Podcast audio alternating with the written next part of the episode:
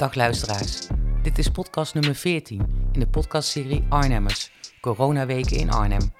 Op social media zijn we te volgen via de open Facebookgroep Coronaweken in Arnhem. Wij zijn ZOZ Platform voor Debat, platform voor makers. Deze podcast is ook terug te vinden via Apple Podcast, Soundcloud, Spotify en podcastluisteren.nl. Vandaag gaat Tim Lenders namens ZOZ Platform in gesprek met kunstenaar en programmeur Richard Kofi. Iets dat Tim al heel lang wilde doen. Luister naar deze podcast over de verscheidenheid van Richards werkzaamheden, gestolen erfgoed, afrokappers en het Nederlandse narratief. Een hele goede dag. Ik ben uh, Tim Lenders van ZOZ en het is weer tijd voor een uh, nieuw interview. Ik zit hier samen met uh, Richard. Wie ben jij? Ik ben Richard Kofi, beeldend kunstenaar, curator. Ik maak ook podcasts. Ik heb ook een podcast, Project Diaspora. Ga er allemaal naar luisteren.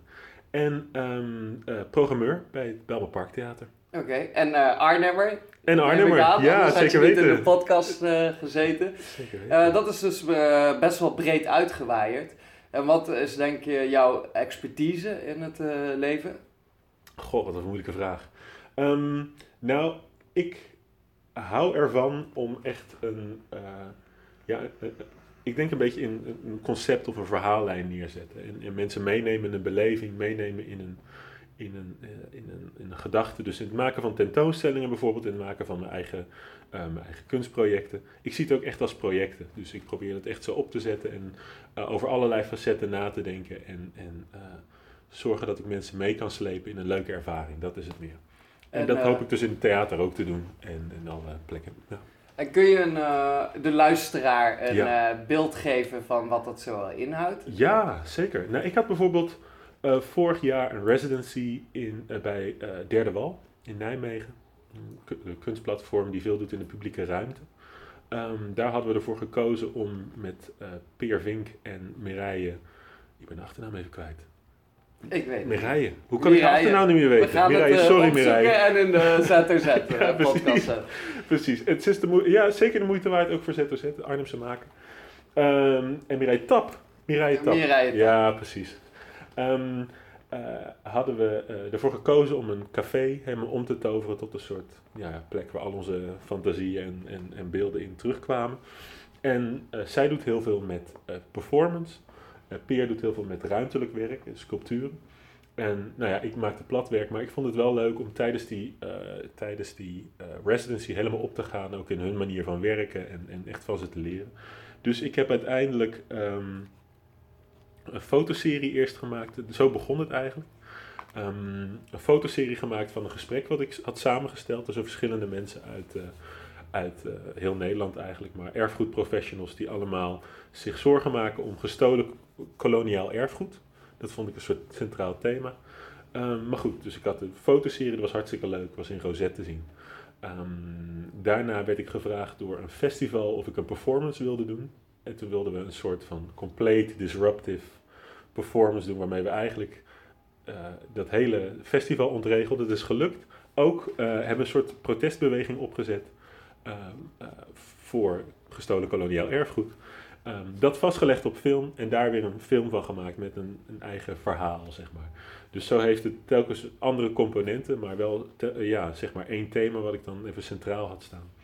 En nee, het is gewoon uiteindelijk, het is begonnen als een, als een serieus gesprek, wat vastgelegd werd. Het was gehouden in, uh, we hadden dat gesprek in, um, in de Eagle, kapperszaak aan de Hommelse straat. Um, de afro-kapper. Ja, ja, ja. ja, ja, die, ja. Die, uh, altijd uh, zes man voor staan. Altijd zes man voor staan. Is altijd gezellig. Iets te harde muziek. Ja, uh, en Silmar, die, de eigenaar van de zaak, die runt dat al 14 jaar. En ik vond het ook, ook omdat dat zo'n um, belangrijke plek is voor mensen met afrohaar, maar ook gewoon voor de hele community. Zeker voor Curaçaoenaren, maar ook, het is ook veel breder. Ik ga er ook naartoe. Um, en omdat het zo'n belangrijke plek was en die niet per se zo institutioneel is of niet een normale plek is om het over gestolen erfgoed te hebben, uh, wilde ik het daar organiseren. Het was hartstikke leuk. Het was echt een hele leuke vibe en iedereen was helemaal vrolijk en uitgelaten. En het voelde ook wel, ja, het voelde voor iedereen denk ik wel heel goed. Zeker ook voor mij. Um, is dat een, uh, een, een, een hoofdnarratief in jouw leven? Het kolonialisme of het erfgoed of slavernij? Of ben je daar toevallig gewoon de laatste jaren veel mee bezig? Ja, ik ben er altijd eigenlijk wel mee bezig geweest, maar wel op zo'n manier dat. eh, ja, dat, ik vind het een goede vraag, want in veel van mijn werk word ik gevraagd om eh, eh, bepaalde analyses te maken of onderzoeken te doen naar erfgoed, slavernijverleden, al dat soort thema's. Maar wat ik in ieder geval heel erg probeer en in mijn eigen werk heel erg uit probeer te vergroten, is om er een soort van vervolg aan te geven. Of van waar gaat de discussie nu naartoe? Dus we hadden dan dat gesprek en dat werd een eh, protestbeweging, maar niet een protestbeweging dat we echt letterlijk allemaal eh, met leuzen zaten te schreeuwen, maar dat we één grote muzikale bende daarvan maakten. Ehm, dat vind ik dan een. Ik, ik wilde kijken of ik dat aandurfde met dit thema. Dat je geen uitgestoken vingertjes hebt of gebalde vuist, maar meer een, een, een uitgestoken hand? Of, Ja, het is eigenlijk meer ehm, een uitgestoken hand, zeker ook. Eh, hè, het is echt een uitnodiging om mee te doen. Maar het is ook een manier om andere elementen toe te voegen aan die discussie. Eh, eh, bijvoorbeeld, heel veel van het erfgoed zit in die depots. En waarom zit dat in die depots? Van grote musea als het Tropenmuseum, weet ik het wat. Ehm, ook omdat het zijn rituele waarde verloren heeft. Ook omdat het uit zicht is geraakt van muziekproductie, uit zicht is geraakt van storytelling, van allemaal dingen die we eigenlijk heel, als heel normaal ervaren in het dagelijks leven. Dus nou, we probeerden die link weer te leggen door eh, dat gestolen erfgoed als thema te nemen, maar om daar wel een feest omheen te bouwen en het eigenlijk weer te claimen van dit hoort bij ons. Of zo. Ik was acht jaar geleden in eh Cameroen Ja. en daar heb ik veel mensen ontmoet. En eh, die hebben me ook allemaal toegevoegd op Facebook. En er zijn wat Nigerianen bijgekomen, waardoor er 50 zeg maar, West-Afrikaanse eh, mensen in mijn sociale media eh, blijven cirkelen. En ik merk wel dat het gestolen erfgoed in Afrika heel erg leeft. Dat eh, Ja. op het moment dat een kunstwerk uit Frankrijk of Nederland of België terugkomt, dat dat Ja. daar echt continentaal groot nieuws is. Absoluut. Maar in Nederland is er eigenlijk heel weinig berichtgeving over, terwijl heel veel kunst hier nog zit. En je, Ja. en je zegt, ehm, die zitten nu in depots. Inderdaad. En, en wat ik er eigenlijk. eh, misschien wilde ik dit wel doen met mijn. Ja, ik weet bijna zeker dat ik dit wil doen met mijn werk. Maar eh, het, het ding is dat. ehm, het blijft vaak hier een intellectuele discussie. En dan zijn het allemaal curatoren en eh, juristen die daar invloed op hebben of die inspraak hebben. En dat geeft vaak ook een beetje het gevoel voor mijn community, mijn omgeving, mijn vrienden hier in, in, in Europa en Nederland. Eh, dat wij er niet echt bij kunnen of dat, het niet echt een dat wij niet echt onderdeel zijn van dat gesprek. Ehm, maar ja, die positie moet je ook een beetje claimen. Zorgen dat het een, eh, een gezicht krijgt of dat het een stem krijgt eh, in het nu. Dus, dus dat probeerden we eigenlijk met die, ehm, met die hele manifestatie, maar ook met die film te doen. Door het, ja, de, gewoon iets meer verbeelding, iets meer fantasie in te brengen. En het ook iets toegankelijker te maken. Ehm, eh, zodat het een, een gesprek werd wat ook op, op, met verschillende tonen gevoerd kan worden. Zeg maar. Dat het niet alleen maar zo'n intellectueel ding blijft. Of zo'n ding wat, wat instituten aangaat of, of regeringen. Maar dat wij ook zeggen van oké, in onze barbershop willen we dit gesprek ook kunnen hebben. En we willen dat dat invloed heeft op het grotere geheel. Dus je wilt ook toegankelijk zijn. Ook toegankelijk zijn, ook gebruik maken van netwerken, van plekken die belangrijk zijn voor, voor mijn communities, weet je wel. En daar eh, die misschien eh, zichtbaarder maken en, en eh, laten zien dat dit soort discussies wel degelijk leven bij een heleboel mensen in Nederland. Alleen, ja, ja, zeg maar, de Eagle Barbershop komt niet op het NOS-journaal. Nee. Dus dan lijkt het net alsof het alleen maar iemand aangaat die heel ver weg is. Nee, ik hoorde laatst ook een, een dichter die ik als links-progressief zie. Die had kritiek op de Nederlandse jeugd. Ja. En toen dacht ik, als je dat zo stelt, op dit moment is 40% van de jeugd in de grote steden eh, heeft een, hebben de ouders of hebben een Ja. immigratieachtergrond.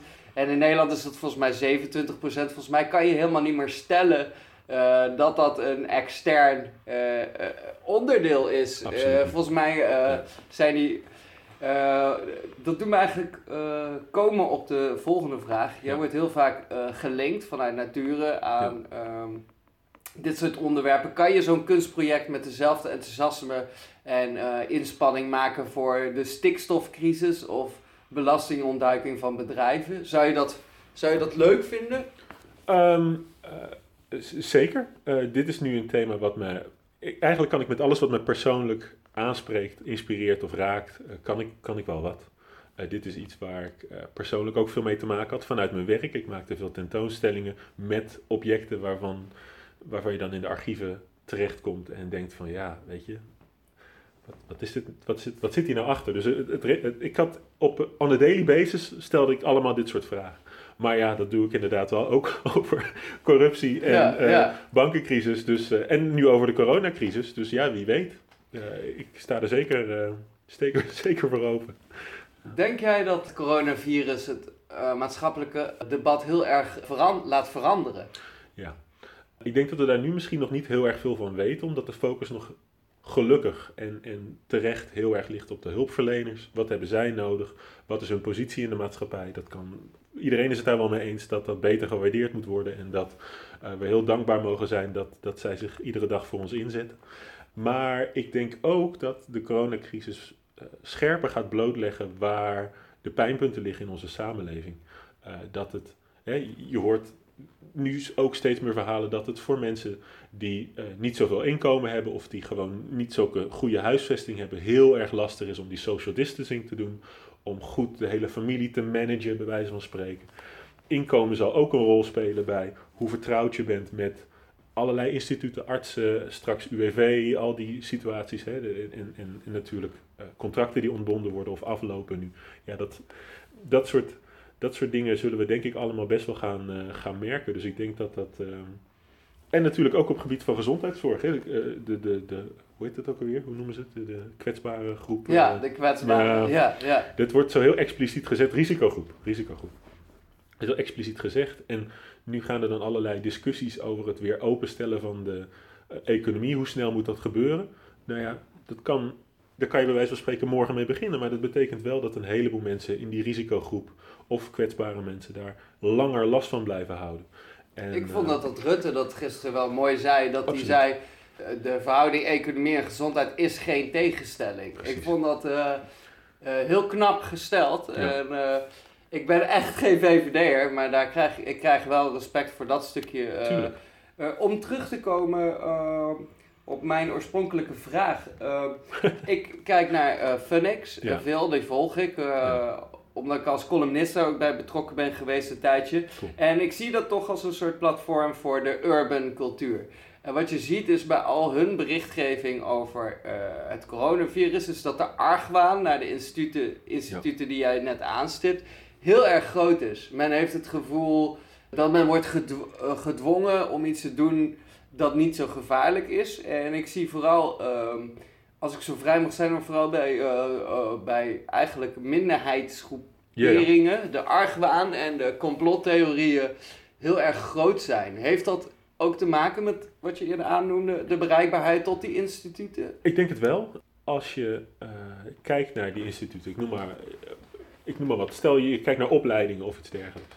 En je ziet dat daar weinig mensen zitten zoals jij, met jouw achtergrond. En dan bedoel ik het niet alleen qua kleur, maar ook qua economische achtergrond, cultureel. Um, en je merkt dat jij daar zelf geen toegang toe hebt, op wat voor reden dan ook. Of mensen uit jouw omgeving daar dus actief geen toegang toe hebben. Ja, dat zijn gewoon negatieve ervaringen die je opdoet. En je bouwt daar een soort van collectief archief in op. Van, nou ja, weet je, blijkbaar is dat niet voor ons. Dus als zo'n instituut dan gaat bepalen hoe jouw dagelijks leven eruit moet zien, wat nu redelijk aan de gang is, kan ik me voorstellen dat daar veel wantrouwen in zit. Um, plus nog daarbij dat er natuurlijk allerlei uh, suggesties zijn van economische belangen die spelen, waar ik denk wij als normale Nederlanders zoals jij en ik heel weinig invloed op hebben. Nou ja, dat, dat, ik, ik snap wel dat mensen dat voelen. Ja. Niet dat ik het goed praat, maar ik snap wel dat je het nee. voelt.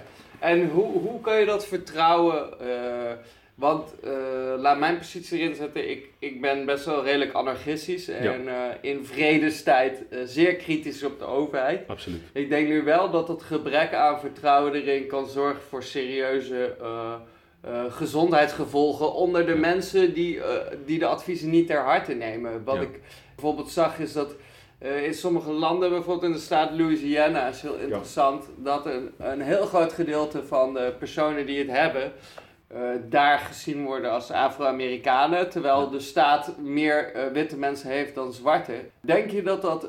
hoe, hoe kan je ervoor zorgen dat mensen die oorspronkelijk argwaan hebben Ja. voor, voor instituten toch zo'n probleem te boven komen gezond? Ja, nou, ik denk dat het heel erg lastig is om dat op korte termijn te doen. Dat is iets wat zich in generaties opbouwt. Hè? Eh, eh, net als wantrouwen tegen de politie, ik noem maar wat. In een heel andere situatie Ja, zou dat ja, ook een heel ja. moeilijke situatie zijn, waar heel veel meer mensen zich eh, mee kunnen identi- identificeren waarschijnlijk. Ja, ja. Dus ehm, dat is iets wat zich opbouwt. En, en hoe het nu beter zou kunnen, ja, ik, ik denk, eh, transparantie helpt altijd volgens mij. ja. En, eh, en daar een bepaalde vertalingen zoeken. Maar ik, ik, ik heb daar persoonlijk, ik kan er wel wat van vinden, Ja, maar ik ja, heb daar nee, volgens mij nee, totaal nee. Geen, geen invloed op. Tenminste, die illusie heb ik niet. Wat dat betreft, eh, eh, de burgemeester Marcouch, die Ja. kiest er heel erg veel in zijn afmoedigingsfilmpjes voor om Marokkaanse agenten, verplegers, jongerenwerkers te zeggen, yo drerries, kappen, anderhalve meter. Heb je die filmpjes gezien? Of niet? Je moet het maar eens zien. De gemeente ben heel Arnhem, nieuwsgierig. eh, ja. De gemeente Ja. Arnhem heeft extreem inclusieve eh, filmpjes, waaruit eh, ze de jeugd vooral oproepen om naar binnen te gaan. Ja. Denk je dat dat zin heeft? Dus- Nou, ik weet niet of die filmpjes zin hebben. Ik merk wel dat ik heb nog nooit zoveel mensen uit mijn omgeving horen praten over een burgemeester. Ja, Ik weet Ja. bijna zeker dat 80% van hen hiervoor niet wist wie de burgemeester was. Dus hij doet wel iets goed. En ik denk dat mensen zoals hij wel die verbindende factor kunnen zijn. Maar goed, ik heb de filmpjes niet gezien, dus ik weet het niet. Maar eh, ik denk wel dat iedereen voor zich kan kijken wat voor rol je erin sp- speelt en hoe je eraan kan bijdragen. Ehm, en ik denk zeker iemand in zijn positie die dat heel goed zou kunnen doen. Maar dat zit dus ook bij artsen, bij mensen in de zorg en dat, dat daar ook bruggenbouwers. Ja, je hebt een soort gatekeepers en bruggenbouwers altijd nodig. Ehm, maar in dit, dit soort gevallen, in dit soort tijden, is dat wel extra, ja, wordt wel extra brood gelegd waar ze niet zijn in ieder geval. nog een vraag. Eh, jij wordt heel veel gevraagd, we hebben daar een keer een gesprek over gehad. Ja. ehm, eh, voor symposiums, lezingen, opdrachten. Eigenlijk overal behalve in Arnhem. Ja. Ik ken jou eigenlijk meer van de landelijke media dan. Ik ken jou van eh, een keer heel dronken in de Luxor, maar eh, ik dan, jij niet. Eh, het valt me op dat je weinig opdrachten in, in, in Arnhem hebt. Leeft het, leeft het kolonia- kolonialisme of het inclusiedebat weinig in Arnhem? Ehm, Of, Nou, ehm, ik wil niet zeggen dat het niet leeft, omdat het wel leeft, maar niet op de plekken waar de platforms zijn. De, dat is niet alleen maar, ligt niet alleen maar aan de platforms. Ehm, wat ik wel merk aan, aan plekken als Rotterdam, Amsterdam, andere plekken waar ik vaak ben, is dat je daar de, de rauwheid van eh, dingen als discriminatie, eh, etnisch profileren, wat allemaal gelinkt zijn aan thema's eh, zoals het koloniaal verleden, zoals het slavernijverleden, maar ook zoals civil rights en allerlei dingen die eh, social justice, zoals dat nu in het dagelijks leven speelt, en mensen die ja, met, met, met thema's bezighouden die, die, die hele intersectionaliteit raakt van, van ras, klasse en gender. ehm, dat daar de consequenties misschien wat harder van gevoeld worden in grotere steden dan hier. Eh wil niet zeggen dat het hier niet is, maar meer van, eh, nou ja, bijvoorbeeld dat het daar hele buurten aangaat of hele straten aangaat. Waar het hier ehm, misschien ook wel straten aangaat, maar ehm, misschien toch iets minder zwaar, eh, iets minder zichtbaar is misschien. Ik denk dat het veel met zichtbaarheid te maken heeft. ja, ik denk wel, eh, je hebt eh, heel veel Arnhem zie in ieder geval racist zijn en een uitspraken. Ja. Met Zwarte Piet discussie heb ik dat in Arnhem ook wel gemerkt. Absoluut. Tegelijkertijd, dat kan in mijn perceptie, wij komen allebei uit Arnhem-Zuid. Eh, ik ben pas heel erg geconfronteerd met de landelijke discussie. Eh, door veel artiesten uit Rotterdam en Amsterdam. Maar Ja. zelf heb ik het gevoel dat Arnhem, ondanks dat het een provinciale, onbeduidende stad is, altijd een enorm grote mix heeft van verschillende culturen. Ja. En dat je, eh, als je kijkt, kijkt naar mijn vriendengroep, maar ook mijn bredere kenniskring, Zeker. dat, dat, dat je wel alles kan zijn wat je wilt eh, in Arnhem en dat dat redelijk makkelijk overeind blijft staan. Ik merk ook heel vaak, maar ik ben een witte man, eh, dat eh, discussies op sociale media heel breed uitgevoerd worden, maar dat het op straat eigenlijk allemaal best wel eh, meevalt. Of, Ja. of deel je dat? Ehm, het, is, het is zeker een andere toon hier dan elders. Dat is, dat is wel zo. Ehm, eh, wat ik. Ja, ik denk dat het gewoon een andere manier is van het Nederlanderschap claimen. En, en het toegang willen tot bepaalde instituten. Toegang willen tot bepaalde platforms of media. Of, of de mate waarin je gezien wil worden. Ik denk dat, dat daar, wel heel veel verschil in zit tussen Randstad en hier. Ja, je hebt heel veel ruimte hier om jezelf te zijn. Om, Ehm, maar goed, dat wil niet zeggen dat bepaalde gespreksonderwerpen hier niet leven. Eh, eh, dus ja, het, is een heel rare mix van dingen, denk ik. Die maakt dat het hier gewoon er anders voor staat. Eh, maar misschien zit daar ook juist wel heel veel kracht en eigenheid in. Een, een soort unieke stem die, ja, die iets kan toevoegen aan hetgene wat landelijk plaatsvindt. Eh, dus ik hoop gewoon dat dat meer loskomt in deze regio. Los van waar wat de staat is van het debat hier. Uh, ik hoop gewoon dat er uh, hier stemmen ontstaan die gewoon ons net weer even anders laten kijken naar dat soort dingen. Eén vraag en een slotvraag. De laatste echte vraag is: Jij bent een, naar mijn mening, laten we Oost-Nederland zeggen, maar ik durf wel te stellen, Nederland een soort reizende ster wel geweest. Waar je makerschap, je, je engagement. Ja. zorgt ervoor veel bewondering en je maakt wel een opmars in je carrière door een exponentieel enorme groei uh, doornam. En nu uh, is de coronacrisis. Is die, is die impact heel erg groot op jouw leven? Vertrouw je dat je die lijn kan doortrekken? Of dat het nu vooral opeens heel erg anders, ergens anders over zal gaan? Ik denk dat um, al dit soort thema's waar ik me de laatste jaren mee heb bezig gehouden, uh, na de coronacrisis echt een soort 2.0 versie gaan krijgen. Dus ik denk dat gesprekken over ongelijkheid in Nederland, over uh, uitsluiting in Nederland, over inclusiviteit, toegankelijkheid. Het is, het is een heel breed thema. Uh, ik denk dat dat een, echt een 2.0 versie gaat krijgen na deze, na deze crisis. Wat ik wel dacht is, Nederland lag voor de Tweede Wereldoorlog hopeloos overhoop tussen de katholieken en de protestanten. Uh, maar er is wel een soort gezamenlijk verhaal gekomen na de Ja. Tweede Wereldoorlog. Kan zo'n crisis van corona er ook voor zorgen dat mensen zich meer Nederland voelen, omdat je gezamenlijk zo'n trauma overwint? Of is dat heel ver gezocht? Um, ik denk dat er vanuit die gezamenlijkheid heel veel opgelost kan worden. Dus ik denk dat we het vooral heel hard nodig hebben. Ik weet niet of het zal gebeuren. Maar ik denk wel dat uh, we. Oké, dat, dat deze nieuwe omgang met de publieke ruimte. We zien dat de publieke ruimte een gevaar kan zijn voor ons. Dat samen zijn een gevaar kan zijn voor ons. Ik denk dat dat heel veel effect kan hebben. Zeker als dit virus terugkomt, langer duurt. Dat, dat, dat we rekening moeten houden met dit soort ellende. Dat het invloed gaat hebben op de manier waarop we produceren. De manier waarop we ruimtes met elkaar delen. Hoe we, hoe we samen zijn in, in, in de publieke ruimte of de horeca of wat dan ook. En uh, dat het heel veel invloed gaat hebben in over hoe we zorgen voor uh, mensen met minder inkomen, mensen met uh, andere verschillende posities in de samenleving. Dus ik denk dat in gezamenlijkheid de enige oplossing ligt. Nu meer dan ooit. Mooi. Ja. In gezamenlijkheid ligt de oplossing. Ja. Tot slot een laatste vraag. Wat okay. geeft jou hoop? Dat heb je net een beetje geduid, maar... Ja, ik heb, ik heb vlak hiervoor een echt ontzettend goed gesprek gehad met Malik, een vriend van mij uit Rotterdam. Uh, Malik Mohammed? Ja, ja, die initiatiefnemer ja. van uh, Concrete Blossom. En ja, dat gaf me alle vertrouwen dat het allemaal goed komt. Het gesprek daarvoor was met Gionne van Concrete Blossom. was ook weer top. Um, ja, ik denk dat iedereen moet met deze crisissituatie omgaan zoals ze dat willen. En dat is allemaal goed. Alleen ik denk ook dat, uh, dat we elkaar heel erg nodig hebben. En dit soort één-op-één gesprekken heel erg belangrijk zijn. Dus dat geeft me heel veel hoop. En dat soort gesprekken heb ik genoeg. Dus het gaat eigenlijk best goed.